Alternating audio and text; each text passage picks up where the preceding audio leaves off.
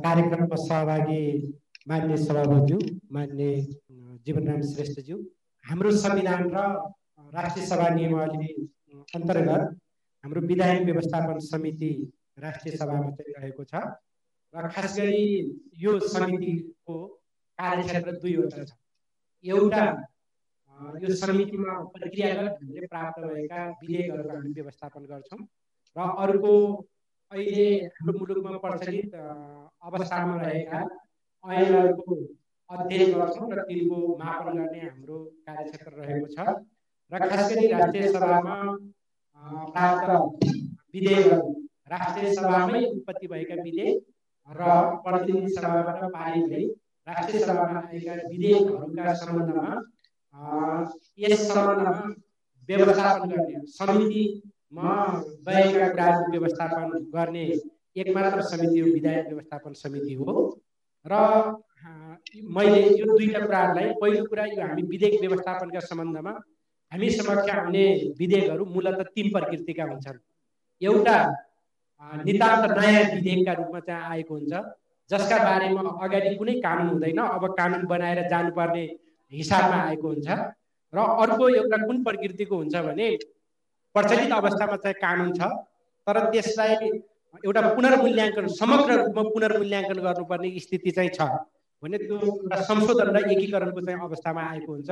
र अर्को चाहिँ के हुन्छ भन्दाखेरि ऐनका कुनै प्रचलित ऐनका खास खास दफाहरूमा चाहिँ हेरफेर गर्नुपर्ने छ। तिनीहरूलाई हटाउनु छ परिमार्जन गर्नु छ अथवा त्यसमा केही थप्नु छ आदि इत्यादिका बारेमा ती कुराहरू चाहिँ आएका हुन्छन्।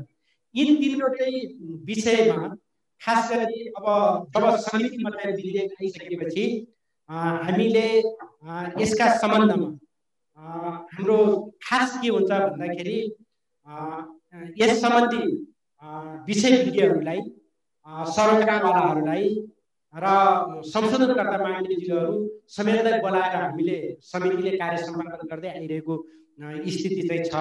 र यसमा नागरिक चाहिँ तपाईँहरूले कसरी जोड्नुहुन्छ? देशैभरिका नागरिक सरकार राखेर ती विधेयक नीति बन्दै जान् त्यसमा चाहिँ नागरिकलाई कसरी जोड्नु यसमा खास गरी हामीले यसमा दुई तिनवटा हामीले केही प्रक्रियाहरू चाहिँ अप्नाएका छौँ।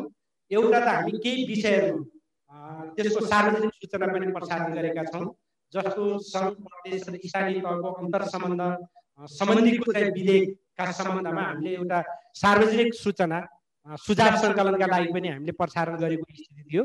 र यसमा खास गरी हामी प्रदेश स्तरमा र स्थानीय स्तरमा रहनुभएका जनप्रतिनिधिहरू उपभोक्ता हितसँग सम्बन्धित सरकार राख्नेहरूलाई पनि हामीले बोलाएर यसमा जोड्ने गरेको स्थिति छ। र खास गरी यसमा के छ भने यो विधेयक व्यवस्थापनको सन्दर्भमा के हुन्छ भन्दाखेरि हामीले त्यो विधेयकको विषयसँग सम्बन्धित सरकारको प्रतिनिधि मूलत मन्त्रीलाई नै बैठकमा चाहिँ बोलाएर हामी त्यस्तो छिनोफानो चाहिँ गर्छौँ। अन्तिम छिनोफानो। छलफल चाहिँ सरकारका प्रथम श्रेणी अथवा विशिष्ट श्रेणीका कर्मचारीहरूको उपस्थितिमा पनि हामी चाहिँ छलफल गर्ने गर्छौँ। र त्यसरी के हुन्छ भन्दाखेरि हामीले छलफल गर्दाखेरि त्यो विधेयकको सन्दर्भमा मन्त्रीले नै त्यही समितिमै एउटा चाहिँ जवाब दिनुपर्ने र त्यसको व्यवस्थापन गर्नुपर्ने भएको हुनाले हामीले छुट्टै एउटा त्यस्तो चाहिँ निर्देशन दिइरहनु पर्ने अवस्था चाहिँ हुँदैन। त्यही चाहिँ त्यसको एउटा चाहिँ डिसिजन गर्नुपर्ने स्थिति हुन्छ। र यो करिब तिन वर्षको अनुभवमा अघि विधायक सरले भने जस्तै हामीले काम थालेको चाहिँ झन्डै ढाई वर्ष मात्रै भएको छ समितिले। त्यस अन्तर्गत चाहिँ के छ भन्दाखेरि मूलत हामी समितिमा सत्ता पक्ष र प्रतिपक्षको त्यहाँ चाहिँ एउटा त्यस्तो प्रकारको रेखाङ्कन चाहिँ हुँदैन। र त्यहाँ संशोधनहरू पनि हुन्छन्। र खास गरी अहिले हाम्रो यो संविधान घोषणा भइसकेपछि हामीले समितिमा गरेको एउटा अभ्यास चाहिँ के छ भन्दाखेरि यदि कुनै विधेयक नयाँ रूपमा आएको छ हामी नयाँ कानुन चाहिँ बनाउँदैछौँ भने त्यो कानुनका हकमा संशोधनमा आएका कुराहरू त त्यो विषयमा त हामी त्यसको निर्णय नै गर्छौँ र सकेसम्म त्यसका सबै दफाहरूलाई चाहिँ खोलेर यसमा चाहिँ विस्तृत रूपले छलफल गरौँ भन्ने कुरा छ। यसमा जस्तो मैले मैले अघि यहाँसँग जान्न खोजेको अहिलेसम्म सबै समितिहरूको काम गर्ने नीति निर्माण गर्ने पद्धति के छ भने सांसद नै जनताका प्रतिनिधि हुन्। त्यसकारण सांसदले बोलेपछि जनताले बोलेको कुरा आइहाल्ने भन्ने ढङ्गले नीतिगत छलफलहरू नीतिगत निर्णयहरू गर्ने पद्धति प्रक्रियाहरू छ।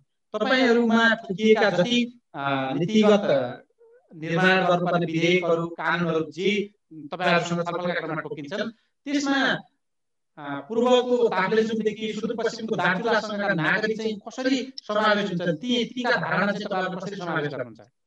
निश्चय पनि अब सांसदहरू जनताको प्रतिनिधित्व गर्ने भएको हुनाले सांसदहरूको भूमिका त अवश्य पनि बढी हुन्छन् है? र अब जनतालाई कसरी जोड्ने भन्ने मैले अगाडि पनि भने कि हामीले त्यो अभ्यासलाई कसरी विस्तृत गर्न सक्छौँ भन्ने कुरा चाहिँ हामीले गरिरहेका छौँ। र विधान समिति विधान व्यवस्थापन समितिमा आएका कतिवटा विधेयक तपाईँहरूले पब्लिक कहाँ लिएर नागरिक कहाँ लिएर जानुभयो।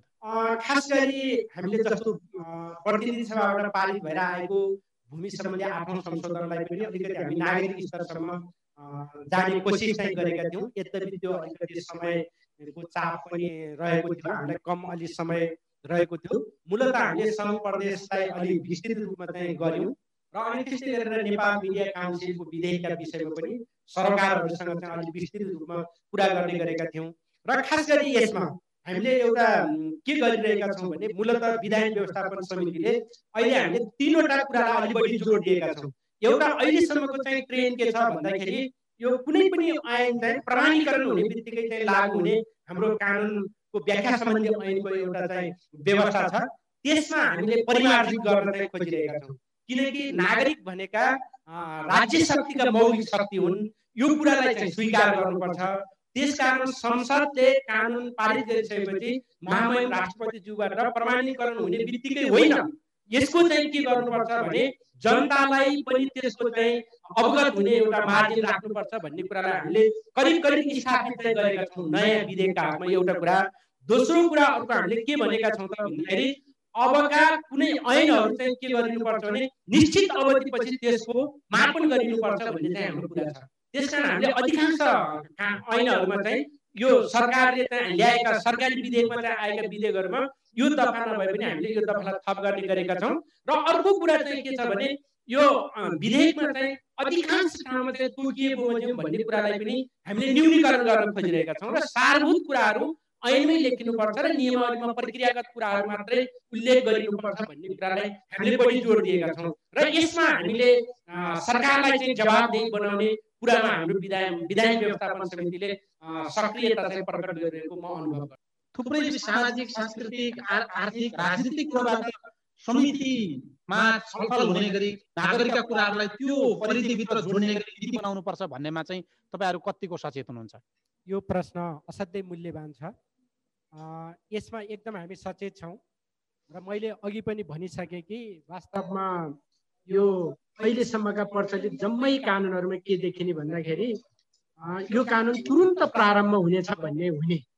त्यसकारण त्यो शब्द एउटा मात्रै छ प्रारम्भ भन्ने तर त्यो प्रारम्भ भन्ने शब्दलाई चाहिँ अलग गरेर अनि त्यसमा चाहिँ एउटा जनतालाई पनि त्यसलाई छुन देख्न र त्यो कानुन कस्तो आयो भन्ने कुरा चाहिँ कार्यान्वयन हुनुभन्दा अगाडि नै अनुभूति चाहिँ दिन सकियो भने त्यसले एउटा महान कुरा के स्वीकार छ भन्दाखेरि जनता सबैभन्दा माथि छन् र जनताको कुरालाई हामी सदैव स्वीकार गर्नुपर्छ भन्ने कुरा स्वीकार छ यसबाट पनि हाम्रा धेरै कुराहरू चाहिँ संस्कारमा सुधार आउन सक्छ भन्ने कुरा मलाई लाग्छ। र अर्को कुरा जनतालाई कानुन निर्माणमा सहभागी बनाउने प्रयोजनका लागि विभिन्न खाले चाहिँ समस्याहरू छन् जो त्यसको चाहिँ समाधान हुन चाहिँ जरुरी छ।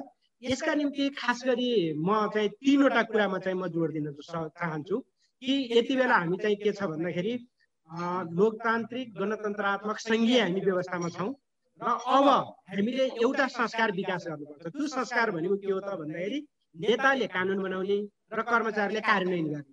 अहिलेसम्म म धेरै व्यवहारमा चाहिँ म के देख्छु त भन्दाखेरि नेताहरू चाहिँ एउटा फाइल बोकेर फुटकर कुराको लागि चाहिँ मन्त्रालय मन्त्रालय चाहिँ खाइरहेको एउटा बाटो मागिरहेको एउटा कुलो मागिरहेको स्थिति छ। के हामीले सङ्घीय व्यवस्था चाहिँ ल्याएका छौँ? स्थानीय सरकारहरू छन् प्रदेश सरकारहरू छन् नेपाल सरकार छ होइन? त्यसकारण अब यो महत्त्वलाई बुझिकन अब साँच्चीकै के गर्नु पर्यो त भन्दाखेरि जनताले रुचाएका जनताले चाहेका र जनतालाई नै सहयोग र मद्दत गर्ने कानुन बनाउनु पर्यो। र अब एउटा थेगोको चाहिँ अन्त्य हुनुपर्छ। त्यो थेगो चाहिँ भनेको के छ त भन्दाखेरि नेपालका कानुन दैवले जानु। अर्थात् के त भन्दाखेरि ठुलालाई ऐन के अरे सानालाई ऐन ठुलालाई चाहिँ यी कुराहरू समाजले त्यसै अनुभूति गरेको होइन नि। यो कुरालाई हामीले चाहिँ मत्थर गर्न सक्यौँ। र यो कुरामा चाहिँ सुधार गर्न सक्यौँ भनेपछि के हुनेछ त भन्दाखेरि हाम्रा कानुनहरू चाहिँ कामयाबी हुनेछन्। जस्तो म उदाहरणका स्वरूपमा भन्न सक्छु कि जस्तो हामीसँग एउटा कानुन छ त्यो कानुन के छ त भन्दाखेरि त्यो सामाजिक सुधार व्यवहार ऐन भन्ने छ। के त्यो कार्यान्वयनमा छ त? अनि त्यस्तै गरेर अहिले हामीले यत्रो कोरोनाको कुरा गरिरहेका छौँ यो चाहिँ महामारीको चाहिँ कुरा गरिरहेका छौँ तर अनि हाम्रो हामीसँग चाहिँ एउटा सङ्क्रामक रोग ऐन दुई हजार बिस भन्ने छ के त्यसलाई हामीले चाहिँ प्रयोगमा ल्यायौँ? त्यो पर्याप्त छ। त्यो त्यसबाट चाहिँ हामीले के हामीले खोजिरहेको हामीले चाहिरहेको त कानुनी व्यवस्था हो नि। कानुनी व्यवस्थामा के हुनुपर्छ त भन्दाखेरि चाहे न्यायालय होस् चाहे संसद होस् चाहे सरकार होस् सबै के हुनुपर्छ भने कानुनबाट चाहिँ चल्नुपर्छ। कानुनभन्दा माथि कोही पनि छैन र कानुनका स्रोत जनता हुन् भन्ने कुरालाई चाहिँ स्वीकार्नुपर्छ। जब हामीले कानुनका स्रोत जनता हुन् भन्ने कुरा चाहिँ स्वीकार्छौँ त्यसपछि के हुन्छ भने धेरै समस्याहरू समाधान हुन सक्छन् र जनता पनि त्यहाँ जोटिन्छन् भन्ने लाग्छ। र अन्तिममा म के भन्न चाहन्छु भन्दाखेरि हामीले एउटा चाहिँ कुरा बनाउनु पर्ने चाहिँ म देख्छु। जस्तो कि जनतालाई जोड्नका लागि विभिन्न विधेयकका सन्दर्भमा हामी पनि प्रदेशमा स्थानीय तहमा चाहिँ पुग्यौँ। तर त्यहाँ के हुन्छ भन्दाखेरि जनतालाई जोड्ने त भन्छौँ तर हाम्रो चाहिँ त्यो ज्ञान सिप सक्रियता के छ भने विषयगतसँग चाहिँ नजोडिने के? म कर्णाली प्रदेशबाट प्रतिनिधित्व गर्छु। म एउटा विधेयकको उसमा सुझाव सङ्कलन गर्न चाहिँ कर्णाली प्रदेशमा गएको। विधेयकको विषय एउटा थियो त्यहाँ प्रस्तुति चाहिँ हिल्साको नाका कहिले खुल्छ भन्ने चाहिँ थियो क्या। त्यसैले गर्दाखेरि के छ भन्नुहुन्छ भने चाहिँ विषयसँग केन्द्रित भएर कुराहरू आउने र त्यसको चाहिँ एउटा सही ढङ्गले सम्पादन हुने प्रयोजनको निम्ति हाम्रो व्यवस्था संसदीय व्यवस्था हो र यो हाम्रो व्यवस्था के हो त भन्दाखेरि दलीय व्यवस्था हो। त्यसकारण हिजो हामीले राजनीतिक परिवर्तनका लागि राजनीतिक दलहरूले विभिन्न चाहिँ एउटा सर्वदलीय बैठकहरू चाहिँ गर्ने आफ्ना दलका बैठकहरू पनि त्यसमा चाहिँ केन्द्रित गर्ने भन्ने चाहिँ कुरा रहन्थ्यो। अब चाहिँ राजनीतिक दलहरूले एउटा म के गर्ने कुरा चाहिँ देख्छु त भन्दाखेरि स्थानीय तहमा प्रदेशहरूमा र केन्द्रसम्म पनि के गर्नु पर्यो त भन्दाखेरि राजनीतिक दलहरूको चाहिँ एउटा सञ्जाल हुनुपर्छ। त्यो सञ्जाल भनेको के हो त भन्दाखेरि संसदमा प्रस्तुत हुने अब त के भन्दाखेरि उसले चाहिँ सङ्घीय व्यवस्थापिकाले मात्रै यो संसदले मात्रै कानुन बनाउने होइन नि त हाम्रा चाहिँ सबै स्थानीय तहले कानुन बनाउँछन् प्रदेश सभाले चाहिँ कानुन बनाउने भएको हुनाले जबसम्म अब हामी सही कानुन बनाउन सक्दैनौँ तबसम्म हामी केही पनि गर्न चाहिँ सक्दैनौँ तसर्थ चाहिँ के छ भने सबै राजनीतिक दलहरूले एउटा कानुन सम्बन्धी छलफल गर्ने तलदेखि माथिसम्म चाहिँ संरचना सिर्जना गर्न सक्यो भनेपछि यसले दुईवटा फाइदा हुनेछ। एउटा बन्दै गरेको कानुन पनि जनताको प्रतिनिधित्व हुने गरी चाहिँ राम्रो बन्नेछ। अर्कोतिर के हुनेछ त भन्दाखेरि जो जो क्या त्यो दलीय राजनीतिक पार्टीका चाहिँ क्याडरहरू चाहिँ त्यसमा सक्रिय हुन्छन् नि अब तिनीहरू चाहिँ के हुन्छ भन्नुहुन्छ भने चाहिँ अब यो कानुन बनाउने ठाउँमा आउने उनीहरूको धरातल निर्माण हुनेछ। र अब त्यसरी चाहिँ जान सकियो भनेपछि के छ भने अहिले तुरुन्तै भन्ने बित्तिकै साधन स्रोत आदि इत्यादिको कुरा पनि छन्। तपाईँहरू हामी सबैलाई अनुभूति छ कि सांसदको एउटा कुनै कार्यकक्ष नै हुँदैन। निवासबाट चाहिँ हिँडेर चाहिँ बैठकमा सहभागी हुन आउने हो। समितिमा एउटा कुर्सी हुन्छ संसदमा एउटा कुर्सी हुन्छ। अन्त कुनै कार्यालय नै हुँदैन। जनतासँग चाहिँ अलग्गै बसेर चाहिँ त्यो काम गर्ने चाहिँ हाम्रो उनै छैन। तर के हुन्छ त भन्दाखेरि सामान्य सुविधाका बारेमा हाम्रा धेरै ठुल्ठुला चाहिँ प्रचारहरू चाहिँ हुन्छन् र हाम्रा सांसदहरू यहाँ गरे त्यहाँ गरे भन्ने कुरा हुन्छ।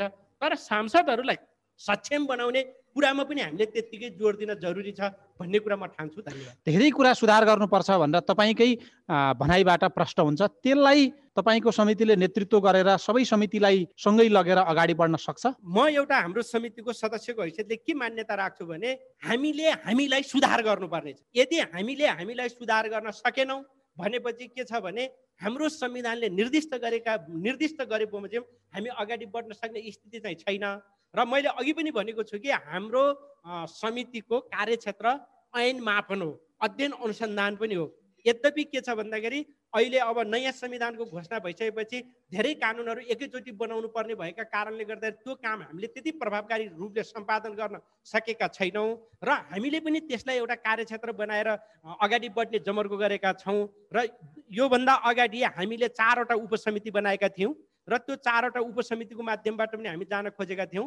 हाम्रो राष्ट्रिय सभा नियमावलीले के भन्छ भने दुई दुई वर्षमा हाम्रो समितिको ट्रम पुग्छ। त्यसो भएको हुनाले फेरि हामी अहिले नयाँ ट्रममा छौँ। त्यस कारणले गर्दाखेरि यस सम्बन्धी हामी उपसमिति बनाएर पनि अगाडि बढ्ने कुरा गरिरहेका छौँ। तर के छ भने समग्र नेतृत्व हामीले हाम्रो समितिले गर्छ भनेर मैले त्यो भन्नु त्यति उपयुक्त हुन्छ या हुँदैन तर हामी त्यो दिशातिर अग्रसर छौँ। जानुपर्छ भन्ने कुरा चाहिँ हाम्रो छ। हस् धन्यवाद।